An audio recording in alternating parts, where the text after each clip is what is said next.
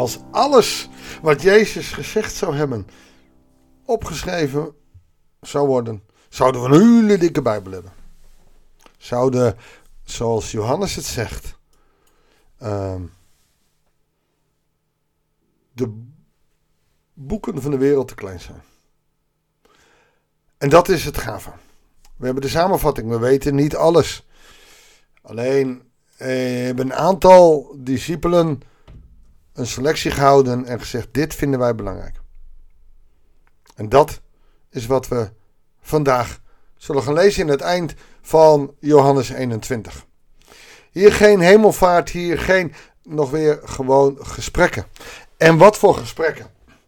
Goeiedag, hartelijk welkom bij een nieuwe uitzending van het Bijbels Dagboek. We lezen in Johannes 21 vanaf vers 15 tot en met 25.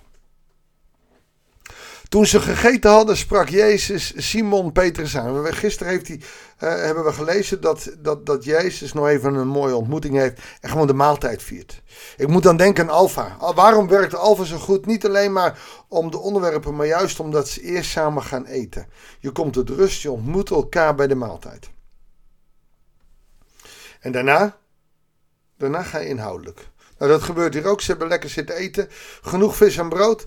En dan gaat, dan zegt Jezus, kom eens even hier, uh, Simon Petrus.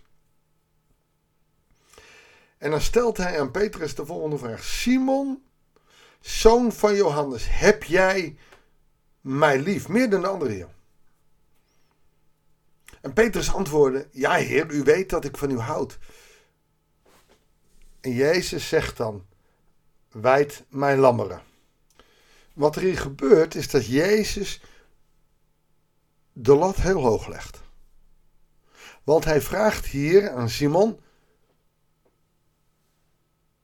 Hebt u mij lief? Agapais. Agape. Oftewel, dat is alles. Heb je alles voor me over. Meer dan de anderen. Waarom vraagt hij dat? Alhoewel, eh, of, uh, Petrus is het haantje de voorste. Uh, ik zal u altijd volgens Sonny nooit alleen laten. Hij heeft hem drie keer verlogend.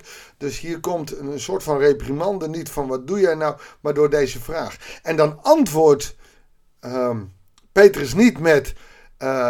ja, ik, ik hou... Ik heb alles voor u over. Agape. Nee, daar staat filio. Ik hou van u.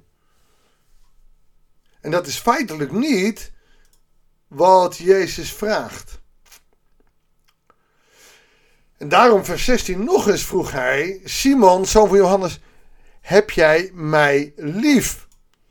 Uh, ook hier weer uh, staat daar het woord uh, agapais. Agape, heb je alles voor me over? Ja, heer, zegt Petrus dan. U weet dat ik, Filia, van u houd.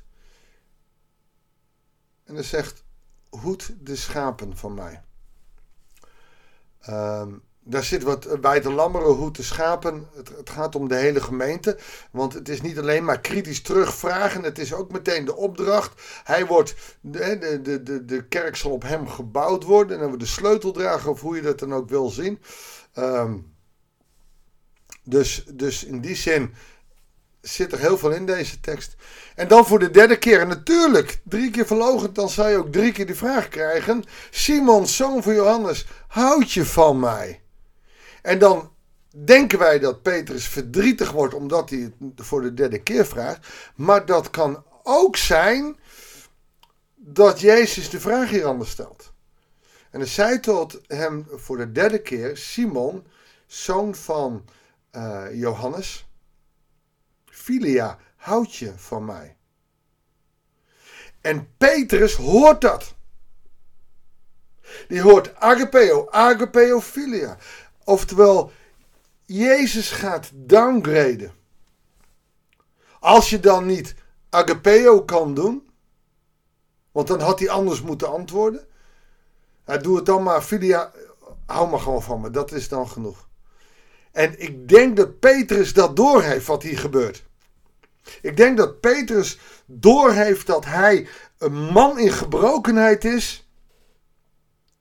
En niet volledig ja kan zeggen. op die vraag of hij alles voor hem over heeft. Dat kan hij ook niet, want hij heeft de Heer net verlogend. Hij kan het ook niet, want dat kan geen mens, maar hij wil het wel. Want Petrus die zegt, ik wil het. Hou me gewoon van. Het mooie van Jezus is dat hij zegt, hou maar gewoon van het is goed zo. Heb me maar lief. En we zien dat Petrus, die wordt uiteindelijk op zijn kop naar de overleveringen uh, op het kruis gegaan, want hij wou niet net als zijn heer sterven. Uh, dus hij is wel heel ver gegaan. Maar uiteindelijk ook is hij heel ver gegaan. Maar de vraag, de berg, de lat werd heel groot gesteld. Jezus daagt ons uit in het evangelie. En dat laat Johannes hier heel goed merken. Aan de hand van het verhaal van Petrus. Niet om Petrus een hak te zetten, maar om te laten zien. En ik denk dus niet dat die tranen zijn van, oh, de derde keer. Ja, ik weet dat ik u verlogend heb. Nee, er zit ook iets in van, het is een downgrade. Je hoeft niet alles te geven. Ik vraag je niet. Je kunt niet alles doen wat ik doe. Ik ben door de dood gaan, dat kun je niet. En dat is dan ook wel weer heel mooi. Er zit dus heel veel in. Werkelijk, ik verzeker je, toen je jong was, deed je jezelf de gordel om en ging je waarheen je wilde. Maar wanneer je oud wordt, zal een ander je handen grijpen, je gordel omdoen en je brengen waar je naartoe wilt. Met deze woorden duidde hij aan hoe Petrus zou sterven tot eer van God. Daarna zei hij: Volg mij. Jezus weet dat hij zich gaat volgen. Jezus weet wat de toekomst wordt. Maar Petrus moet daar wel doorheen. Hij is haantje de voorste. Doe maar eens rustig. Toen Petrus zich omdraaide, zag hij dat de leerling van wie Jezus veel hield hen volgde. Dat is dus Johannes, hè? De leerling zei, uh, de leerling die zich tijdens de maaltijd naar Jezus toegebogen had om te vragen wie het was die hem zou uitleveren. Toen Petrus hem zag, vroeg hij Jezus: En wat gebeurt er met hem? Heer? Jezus antwoordde: Wanneer ik wil dat hij in leven blijft totdat ik kom, is dat niet jouw zaak. Jij moet me volgen. En hier kom ik meteen weer bij iets. In de gereformeerde traditie uh, heb je, eh, heel veel predikanten vinden het ook, geen persoonlijke relatie met God. Maar de gemeente wereldwijd is de bruid. Dus als gemeente heb je uh, een relatie met God. Maar niet dat hele persoonlijke waar de charismatische hoek, waar Alfa ook mee komt. Terwijl Jezus hier heel duidelijk zegt: Jij moet me, wat die ander doet, dat doet er niet toe, dat gaat jou niks zeggen. Jij moet me volgen. Als je het hebt over persoonlijk geloof, dan, dan zegt Jezus hier wel heel duidelijk: Hier, jij moet mij volgen.